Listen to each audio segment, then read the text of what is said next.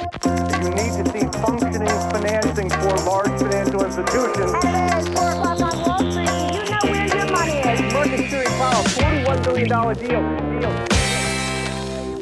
Dags för investerarens podcast nummer 173 i ordningen. Den här veckan har vi inte bara äntrat oktoberbörsen, vi har också fått ett nytt all time high på Stockholmsbörsens breda index OMXSPI alltså ett prisindex över Stockholmsbörsens samtliga 384 aktier där man inte inkluderar återinvesterad utdelning. Och då kan ju såklart vän av ordning fundera på varför räknar man bara inte med ett återinvesterande index helt enkelt, för det borde ju vara mer rättvisande. Och ja, det är klart att jag tycker ju att man alltid ska titta på totalavkastningen som kommer både från kurstillväxt plus utdelning. Men på ett index så blir det ju väldigt svårt att räkna med totalavkastning för att den säger säger ju inte jättemycket om just din placering. Indexet, ett pri, prisindex kräver ju inte någon action överhuvudtaget. Ehm, ett eh, återinvesterande index kräver ju att man får utdelningen, att man återinvesterar utdelningen, man kanske har courtage, man kanske har en skatteavbränning.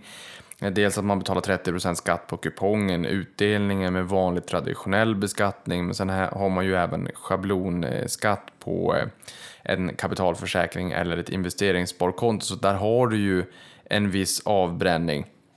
Så därför tittar man ofta på, på prisindex helt enkelt. Eh, för man vet inte riktigt vad du som enskild sparare gör med din utdelning. Den kanske du investerar i något helt annat bolag så viktningen blir något helt annat. Men vad, vad gäller börsen så är det allt som ofta så att man tittar på prisindex. Egentligen så skulle man kanske kunna titta mer på totalavkastningsindex. För det skulle ge mer motivation till ett långsiktigt sparande i och med att skillnaden är väldigt stor långsiktigt mellan ett prisindex och ett avkastningsindex. Eller PI för price index då och eh, GI för gross index som eh, är de gängse termerna i branschen. Men för dig som enskild sparare är det nästan tjänstefel att inte titta på totalavkastning när du jämför din avkastning gentemot börsen men då också jämföra med ett index som är totalavkastande. OMXS30 GI, återigen för gross index om det är så att du har eh, bolag som kanske karaktäriseras av folkaktieportföljer. mycket OMXS30-bolag, stora stabila pjäser, blue chips möjligtvis. Eh, och sen så har du ju också OMXSGI för OMXS Stockholm Gross Index om du vill ha hela Stockholmsbörsen då. Ehm, och sen har du ju i och för sig det här indexet då som slog all time high nu då, OMXSPI, där har du OMX eh, GI för, för gross index då. Och där tittar man ju på Stockholmsbörsens samtliga 384 aktier och avkastningen då, inklusive återinvesterad utdelning. Men tittar man på vart börsen står då är det vanligast att det är de här prisindexerna, det är mer eller mindre det så det är. Men när man tittar på avkastning, inte minst på ens egna, då tycker jag att då ska man alltid titta på eh, totalavkastning då, eller ett avkastningsindex helt enkelt. Eh, och inte jämföra sin egen totalavkastning med ett ehm, eh, prisindex heller, för då blir det ju missvisande, utan alltid jämföra eh, din totalavkastning med ett, eh, ett eh, avkastningsindex då helt enkelt. Men förra veckan så fick vi en uppgång på 1,67% på Stockholmsbörsen på OMXS30. Det är efter att vi backade 2,81% veckan innan.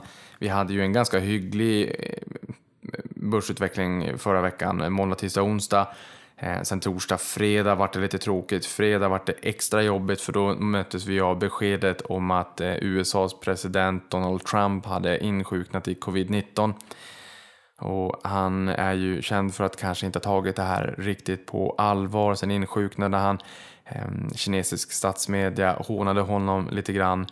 Eh, och sen har vi också sett att han ehm, har lagts in på Walter Reeds eh, sjukhus eh, i ett militärsjukhus i USA. Men där han twittrade flitigt och också meddelade att han skulle komma tillbaka till Vita huset där på måndag natten väldigt fort och menade på att folk ska ut, ut och röra på er, låt inte det här påverka ert liv jättemycket. Så man kan ju ana att det kanske var en viss prestige i det där helt enkelt. Han var ut där på söndagskvällen eller natten då och, och vinkade till alla fansen som stod utanför det här militärsjukhuset. Eh, och eh, ja, det möttes väl kanske också av kritik. Men just det här att han var ute och vinkade och meddelade att han skulle eh, tillbaka till Vita huset. Eh, det ökade på risksentimentet rätt rejält här i inledningen av den här börsveckan som vi då befinner oss i. Men annars en hygglig börsvecka som sagt. För förra veckan var eh, kraftigt negativ, minus 2,81. Förra veckan plus 1,67. Um, och, och, faktum är lite kuriosa att vi har eh, nu passerat vecka 40 för börsåret 2020 och exakt hälften av veckorna har varit positiva och därmed också eh, exakt hälften av veckorna har varit negativa. Ehm, och det är ju så att eh, de positiva som vanligt vinner med, med, med, en viss marginal här då i och med att vi också har ett positivt börsår i talande stund. Och där kan man väl också bara dra till minnes den coronakraschen som vi hade på vårkanten som började 20 februari, den intradagsnedgången och ursköljningen måndag den 24. Det här har vi pratat om så många gånger. Vi kommer förmodligen att lämna det här någon gång men å andra sidan så pratar vi fortfarande om finanskrisen och det började 13 juli 2007 så att det lär väl vara så att vi pratar om det här under ganska lång tid framöver. Ehm, och med facit i hand så varade nedgången under 18 dagar, men även om det bara var 18 dagar så var det 33,81% ner på OMXS30, så det var en dramatisk nedgång på den tiden. Ni kanske kommer ihåg att jag tidigare poddavsnitt har sagt att vi tog närmare 60% av nedgången eh, motsvarande under finanskrisen på blott 5% av tiden. Så det var ju en väldigt dramatisk nedgång. Men jag sa att de bästa affärerna görs de sämsta av tider. Jag försökte få ut det här, jag försökte få ut det på Avanza-podden, Uppesittarkväll. Och bara påminna om att det är jättebra att ha en strategi eh, i bra tider, men det är också väldigt bra att ha strategi och investeringsregler eh, när eh, shit hits the fan och när det verkligen piskar upp till storm. Eh, och i talande stund nu så börjar vi snart närma oss en 50 i uppgång från botten 16 mars. Och åtminstone kan bara prata för egen del så, så är det här det bästa året för mig någonsin. Eh, och ehm, jag är glad att jag fortfarande är väldigt ung för jag har väldigt många år kvar att eh, compounda mina investeringar, eh, mitt kapital som man säger, alltså med, med ränta på ränta-effekt. Men det har varit en, eh, ett, ett rätt fascinerande börsår får man ju eh, säga helt enkelt. Vi närmar oss presidentvalet i USA också. Det är klart att det här med insjuknandet i covid-19 riskerar att stöka till det en av de första sakerna som Trump twittrade om här i början på den här veckan, alltså när han då eh, själv hade sagt att han skulle lämna det här militärsjukhuset, var att börsen eh, klättrade till nya höjder och han menade att eh, det här skapar jobb, jobb, jobb och han skrev i stora versaler att, att börsen stiger. Det här har vi ju lärt oss att det här är ju Trumps melodi och han, han tittar ju väldigt, väldigt mycket på börsen. Väldigt, han är ju mer eller mindre en, en aktienörd kanske som, som dig och mig. Eh, och under helgen så behandlades Trump med en antikroppscocktail från eh, läkemedelsbolaget Regeneron ehm, och den verkar ha varit framgångsrik. Det är klart att det har kommit motstridiga uppgifter men som det verkar i alla fall så har den varit eh, framgångsrik. Och det är en typ av cocktail som, som jag förstår har använt för compassionate use, alltså för patienter som, har, som är så pass dåliga, så pass sjuka att det, det, det, saknas alternativ för dem. Så att även om läkemedlet inte är godkänt av amerikanska FDA så får man använda det för just den här typen av compassionate use. I det här fallet eh, så betyder inte det att Trump har varit så dålig men man har använt en, en, en, eh, antikroppscocktail som används eh, just i compassionate use för andra människor helt enkelt. då. Eh, och det här fick eh, Regenerons aktie att stiga 6,62% på måndagen samtidigt som de har till rygga lagt en uppgång på eh, 60% sedan årsskiftet och helt enkelt. Men hörni, all time high på Stockholmsbörsens breda index. I talande stund har bolagen i OMXS30, det lite smalare index, har stigit 59% sedan botten 16 mars och 24 av 30 bolag befinner sig över MA200, alltså över 200 dagars glidande medelvärde eh, med i snitt 12,8%.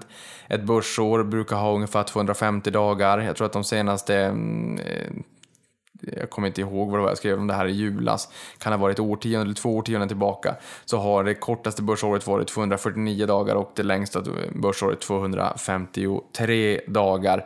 Eh, och i det blogginlägget, jag blev lite nostalgisk, då skrev jag också eh, baserat på en eh, artikel som jag hittade i amerikansk media som jag varit inspirerad av. Att det är ungefär som att singla slant på börsen. Det är ungefär varannan börsdag som är positiv och varannan som är negativ. Inte att det är en dag som är positiv och en dag som är negativ och så positiv och så negativ. Men drar man ut ett snitt av det.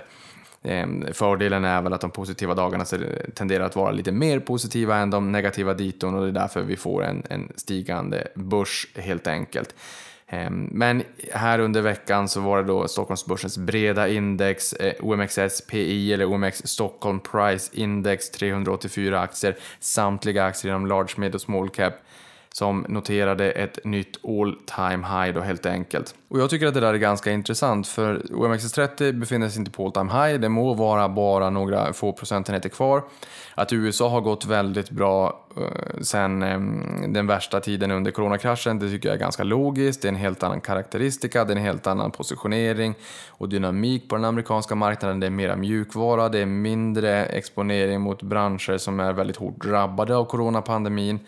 I Sverige däremot så är det mycket bank och verkstad ehm, och det är klart verkstad är ju väldigt beroende av global konjunktur och den har varit lite grann Um, lite grann. Den har varit väldigt påverkad av den pandemin, nedstängningar eh, och att man har lagt sordin, sordinlocket på den globala konjunkturen och de ekonomiska hjulen. Nu har det börjat snurra igen. Vi ser signaler från stora delar av världen att um, det, det både konfidensindikatorer och inköpschefsindex och, och, andra typer av ledande indikatorer faktiskt pekar på en betydligt snabbare återhämtning än vad vi först kunde tro. Vi har fått upprevideringar av global ekonomi här i veckan från olika eh, håll och kanter. Eh, och den röda tråden är väl att de flesta säger att det här blev nog inte riktigt lika illa som vad vi trodde i början på året. Eh, och det går ju inte att eh, peka finger åt någon för, för det var väldigt svårt att veta riktigt vart det skulle bära hän. Det är klart, jag förstod definitivt att det skulle vara bra köplägen för det var verkligen nattsvart, men ingen hade ju kunnat veta riktigt hur långt eh, söderut det skulle barka eller att nedgången bara skulle hålla i sig i 18 dagar. Om jag får backa tillbaka till OMXS30 bara jättekort så vill jag säga att de aktierna som har stigit allra mest Sen botten är Kinnevik med 175 procent. De har många bolag som är väl positionerade för den digitala trenden. Den har accelererat under coronapandemin. De har Livongo som har gjort en, en stor affär tillsammans med amerikanska Teladoc och sen har vi Electrolux som har stigit 102 procent. Där köpte jag en eh, köksassistent, får man säga det, maskin köksassistent Ehm, i juli. Jag fick den levererad i fredags, väl till pass eh, dagen, dagarna innan kanelbullens dag. Så jag har hunnit baka lite grann, både frallor och eh, kanelbullar. Vart extremt mycket bättre än vad mina eh, händer kan knåda. Ehm, min reflektion är att jag beställde den i juli och den levererades i oktober och under den här tiden så har Electrolux också orkat med att kabla ut en omvänd vinstvarning. Och jag kan tänka mig att när vi har varit hemma i så stor utsträckning att vi har omprioriterat saker och ting och kanske hittat till nya intressen. Och jag skulle kunna tänka mig att eh, det är väldigt många som köper den här typen av home appliances, eh, köksattiraljer, köksmaskiner heter det väl på, på eh, svenska får man väl säga. Och Ja, uppenbarligen så, är, så har det gått väldigt bra. Husqvarna är en annan eh, som, aktie som har gått väldigt bra. Det är många som har varit hemma, det är många som har köpt robotgräsklippare. Nya generationen har ju även GPS så att man slipper dra ut någon, någon kabel eller hur det nu funkar så att gräsklipparen vet vart, eh, inom vilka ramar den ska klippa. Så det kommer lite nya grejer, det är lite kul. Eh, många har lagt pengarna på den typen av saker, förmodligen istället för att lägga dem på, eh, på resor utomlands, för det har ju inte riktigt gått. Men tittar vi på eh, mm, OMXS30 återigen, om vi stannar där en liten stund, eh, så består ju det indexet av ungefär 50% bank och verkstad och det är ju värdeviktat. Och i och med att jag sa här att Stockholmsbörsens breda index är på all time high OMXS30 är en liten bit därifrån, då inser man ju att här är det ju svansen som har bidragit positivt helt enkelt och, och lyfta det här breda indexet eh, högre än de blytunga pjäserna i OMXS30. Och tittar vi på bankkvartetten, eh, det vill säga Swedbank, Handelsbanken, SEB och Nordea som är tunga pjäser, då har de tillsammans i snitt sjunkit 30,71 procent och de har också fått slopa utdelningar. Jag tror att många som äger bank eh, inte tycker att det är speciellt jobbigt att få en kupong på en 6, 7, 8 procent. Eh, men när, när den hålls inne så blir det desto jobbigare och sen har det kommit också lite eh, återigen svallvågor kring penningtvättsfrågor och sådär. Så att bankkvartetten har sjunkit väldigt mycket i år. Verkstad däremot är upp 43,77 procent i snitt. De har haft rejält med fart under galoscherna. Eh, och där har man handlat upp de där på eh, en tro om förnyad optimism kring global konjunktur. Det har varit lite frågetecken kring vart eh, valutan går, hur mycket kronan ska stärkas och hur det kan tänkas påverka den här typen av bolag. Men det är en monumental skillnad mellan bank och verkstad i år. Tar vi det breda indexet så har bolagen på breda Stockholmsbörsen gått väldigt bra, många av dem i alla fall. 22 stycken av 384, det vill säga 5,7 procent av bolagen har fördubblats i år. Och jag tänkte bjuda på en liten eh, en liten lista vilka det är, så här blir det väl lite number crunching då, men du får väl eh, hålla till godo och luta dig tillbaka. Då har vi G5 Entertainment som eh, är en aktör som jobbar mycket med mobilspel, upp 285 procent. Net Entertainment upp 252 procent. Sinch upp 207, Stockvik Förvaltning 203, Hansa Biofarma 201, Kulinea 178, Odd Molly 159, Boost 150, X-Brain Biofarma 144, Lime Technologies 142, Cantargia 140, Evolution Gaming 139, Selling 138, Camurus 127, BHG Group, alltså Bygg Hemma 117, Byggmax 115, Back the Guard 108, Mips 106, Bone Support 103, Episurf 102, Avanza Bank 101 och Adlife 101. Så att i den här listan så är det ju väldigt många bolag också som är eh, direkta coronavinnare. Eh, men sen har vi också sett att hälsovård, den sektorn på Stockholmsbörsen har gått väldigt bra i år. Eh, och det var ju ett flertal av de bolagen som jag läste upp på den här listan då. Men den här veckan så är vi också inne i oktoberbörsen. Vi har lämnat september som klassiskt sett är en av de svagaste månaderna på börsåret. Och med facit i hand steg september 3,57% i förhållande till eh, snittet på 1,57% historiskt sedan 1990.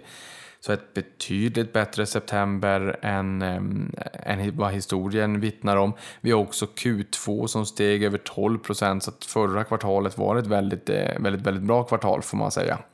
Eh, och aktier är en vintersport. Eh, perioden oktober till februari brukar traditionellt sett historiskt vara de mest eh, solsäkra månaderna på eh, börshimlen helt enkelt. Så det ska bli spännande att se nu när vi går in då i oktober eh, och se vart här det här eh, faktiskt kan bära och någonting som ger lite extra skjuts. Presidentvalet i USA brukar leda till volatilitet, det brukar inte stöka till det långsiktigt. Eh, mer i teorin, i tron än i verkligheten. Eh, men det finns ju såklart en, en lite större polarisering nu kanske än tidigare, men historiskt så har det inte påverkat så mycket som man har velat tro att det ska göra. Ehm, tar vi presidentvalet 2016 med Trump, eh, då, då var det rejält med stök terminerna. Det var ehm, jag vet inte hur många gånger mer omsättning än vanligt. Det var en extrem omsättning, de föll jättemycket, det var automatspärrar, man stängde terminshandeln. Börsen i Sverige öppnade ner 3,6 och sen när Trump började prata sitt segertal så, så eh, i slutändan så steg börsen 1,2 procent den dagen. Eh, och i princip alla var fel på, på bollen. Men någonting annat som ändå är positivt för hösten det är utdelningssäsongen och det är tycker jag mer eller mindre ett faktum att många bolag har aviserat om återinförd utdelning. Jag har varit med i en del artiklar Eh, senast Omni där jag uttalade mig och sa att det blir nog, allt pekar på att det blir en utdelningssäsong i höst, en renässans för den slopade utdelningssäsongen som vi inte fick i våras. April är ju den, den absolut populäraste utdelningsmånaden tätt följt av maj. Ni vet ju hur det blev det här året. Men mycket tyder på att vi faktiskt får en renässans nu. Electrolux meddelar att avse återinföra utdelningen på 7 kronor gentemot 8,50 förut, så att lite mindre. Man är lite försiktig, men ändå betydligt mer än, eh, än, än när man slopade den såklart. Eh, och Electrolux säger att man har sett en väsentlig återhämtning i vinst och kassaflöde och att effekterna från coronapandemin tros vara överbryggade i samband med Q3-rapporten. Så att de har ju blivit, alltså, mer eller mindre kanske vänt på det och blivit en, en relativ, åtminstone en relativ eh, pandemivinnare. Sen har vi Essity som meddelar att de avser att åter, återinföra utdelningen de också och eh, hela utdelningen på 6,25% per aktie. I våras så hamstrade man dasspapper och matbutikerna fick sätta kvoter på hur många dasspappers Ehm, förpackningar man fick köpa. Det klassiska uttrycket är ju köttfärs 59,90 för att locka in människor i butiken. nu vart det helt plötsligt dasspapper. Jag tycker om ehm, eh, SCTs eh, kommunikationschef som på Twitter eh, var ut och eh, visade en bild på när det var flera hundra meter med lastbilar som väntade på att bli, få lasta på en massa balar med dasspapper och sa att Eh, det, det, är inget problem, det finns dasspapper så att det räcker och blir över. Men, men folk hamstrar det. Nu har man kanske börjat använda klart de där också. Sen har vi andra bolag, Byggpartner, Ratos, Skanska, Bravida, Husqvarna, FM Mattsson, Wallenstam, Holmen, Cloetta, Telia, Ferronordic, MP3 Fastigheter med flera. Eh, så det är väldigt många bolag som, eh, som återinför utdelningen och det är ju en extra stämma som ska besluta om det. Eh, man, styrelsen lade fram förslag till, till årsstämman att besluta om utdelning, sen slopades ju det där. Eh, men nu eh, aviserar man då extra stämmor för att besluta om utdelningarna. Någonting annat som också agerar positivt, det är ju nu vi går inför mot rapportsäsongen. Vi har fått en del omvända vinstvarningar. Senast igår var det Hexpol och AAK. Eh, och för dig som undrar vad så är det först, så sa jag Hexpol, jag brukar säga Hexpol, jag har lärt mig att det heter Hexpol. Eh, polymera produkter och de här aktierna steg 4,95 respektive 5,87 procent. Så det är rätt mycket fart under galoscherna på dem också. Eh, vi, får se, vi får se om det kommer några vinstvarningar. Det kan det mycket väl göra, men i och med att marknaden ändå har varit eh, man har handlat upp mycket, väldigt mycket, förvisso. Ehm, men ja, det blir intressant att se var förväntansbilden ligger. Mm, både, både när det kommer till, till vinstvarningar och även då till omvända vinstvarningar. Men hörni, jag tänker försöka hålla det här lite kortare. Det tenderar ju kunna bli väldigt långa avsnitt. Jag tänker mig när jag har gäst så blir det onekligen långt. När jag har bolag som gästar så blir det också långt. Eh, men de här uppdateringarna som jag skulle vilja hålla en gång i veckan tänker jag kanske hålla dem lite kortare. Men hörni, ett klassiskt nyhetssvep. Amazon har satt datum för sitt årliga shopping-event Prime Day. Det kommer att vara under två dagar med start den 13 oktober. Då är ju frågan, kommer de också till Sverige innan det här? Det är inte jättelångt dit, vilket innebär att sannolikheten förmodligen minskar ganska mycket, men det hade varit intressant. I fjol steg försäljningen nära 70% jämfört med 2018 under Prime Day och landade på omkring 70 miljarder kronor när ungefär 175 miljoner prylar såldes under de här två dygnen. Då. Ehm, och hur årets enorma digitala språng har påverkat årets happening, det kommer vi att få se efter Prime Day då helt enkelt. Det kommer bli väldigt, väldigt, väldigt spännande att eh, se hur det här påverkar och inte så att det ska påverka aktien i, i, jättemycket utan snarare bara ett tecken i tiden som kommer ha vissa implikationer på andra bolag med e-handel. Eh, bara liksom hur, hur eh, konsumentbeteendena förändras helt enkelt. Sen har vi fått bud på pappers och förpackningsbolaget Ahlström Munksjö från ett konsortium med Bain i spetsen. Bud på 18,1 18, euro innebär en premie på 24% och aktien rusade ju snabbt då till den här budnivån. Eh, men en av storägarna, Odin Fonder, tycker att budet är för snålt och underskattar det här bolagets potential helt enkelt. Så har vi fått ytterligare ett bud och det är säkerhetskoncernen Gunnebo som har varit en notorisk underpresterare under ganska lång tid dessvärre. Och här är det Altor tillsammans med Stena Adactum som lägger bud om 25 kronor per aktie till, eh, vilket då värderar bolaget till 1,77 miljarder kronor. Däremot så tycker jag att en jobbig kuriosa det är att säkerhetskoncernen Gunnebo sålde det som är dagens Troax till en annan köpare och självfallet för eh, idag då 10 år sedan. Men Troax på börsen är värt strax över 10 miljarder vilket innebär att de är värd eh, fem gånger Gunnebo. Det är lite jobbigt. Det är lite grann som att eh, Anticimex är värt fyra gånger Ratos. Eh, och Ratos sålde ju ut Anticimex för ett, ett antal år sedan. Eh, Ja, de där är aldrig roliga såklart. Eh, men eh, det är ändå fascinerande. Sen har vi Walt Disney streamingtjänst Disney Plus som redan har nått över 10% av de nordiska hushållen enligt analysföretaget Mediavision. Det skriver Finwire och tjänsten som lanserades 15 september har redan 450 000 svenska hushåll som kunder, däribland mitt. Sen har vi Activision Blizzards Call of Duty Mobile som lanserades 1 oktober i fjol och fick 100 miljoner nedladdningar under den första veckan. Nu har vi ett år i bagaget och då kan man ju med fast i hand fundera, vad hände? Det hände ganska mycket, de har tjänat en hel del pengar eh, även om spelet är free to play. Totalt har de haft intäkter på 480 miljoner US-dollar, så en, vadå, eh, 4,4 miljarder eh, svenska kronor. Och det här är det tredje mest spelade skjutspelet i mobil i USA efter Fortnite och PubG. Sist men inte minst har vi Surgical Science som utvecklar VR-simulatorer inom kirurgi och de rusade 25% i måndags, det vill säga igår när det här spelas in på besked om långsiktigt ramavtal med Auris Health som i slutändan är ett bolag som ingår i amerikanska Johnson Johnson eller J&J koncernen eh, Och VD Gisli Hennemark kommenterar, det är väldigt glädjande att vi får möjligheten att samarbeta med en av de riktigt stora utmanarna på den starkt växande robotkirurgimarknaden. Vår dialog har nu formaliserats i ett ramavtal och en uppgörelse om royalties som vi är väldigt nöjda med helt enkelt. Det var uppenbarligen marknaden också som lyfte aktien 25% eh, det vill säga då i måndags. Och med de orden så vill jag tacka för mig och för eh, nästan i alla fall för den här veckan. Nu har vi åtminstone blickat tillbaka på föregående vecka. Strax efter att den här podden har kommit ut så kommer jag också släppa en podd om fastighetsmarknaden med Estea ett bolag som nu genomför en transaktion tillsammans med Avanza. Eh, jag gjorde en, eh, en inspelning i Avanza Play och då sa vi också, ska vi göra ett poddavsnitt där vi pratar om nästan allting man behöver veta om fastighetsmarknaden och trender och vilka trender som man kan se i andra länder som oftast även kommer till svenska fastighetsmarknaden. En stund senare och vilka trender som finns och kapitalallokering och att det är mera teman idag än vad, och storytelling än vad det var tidigare och sådär.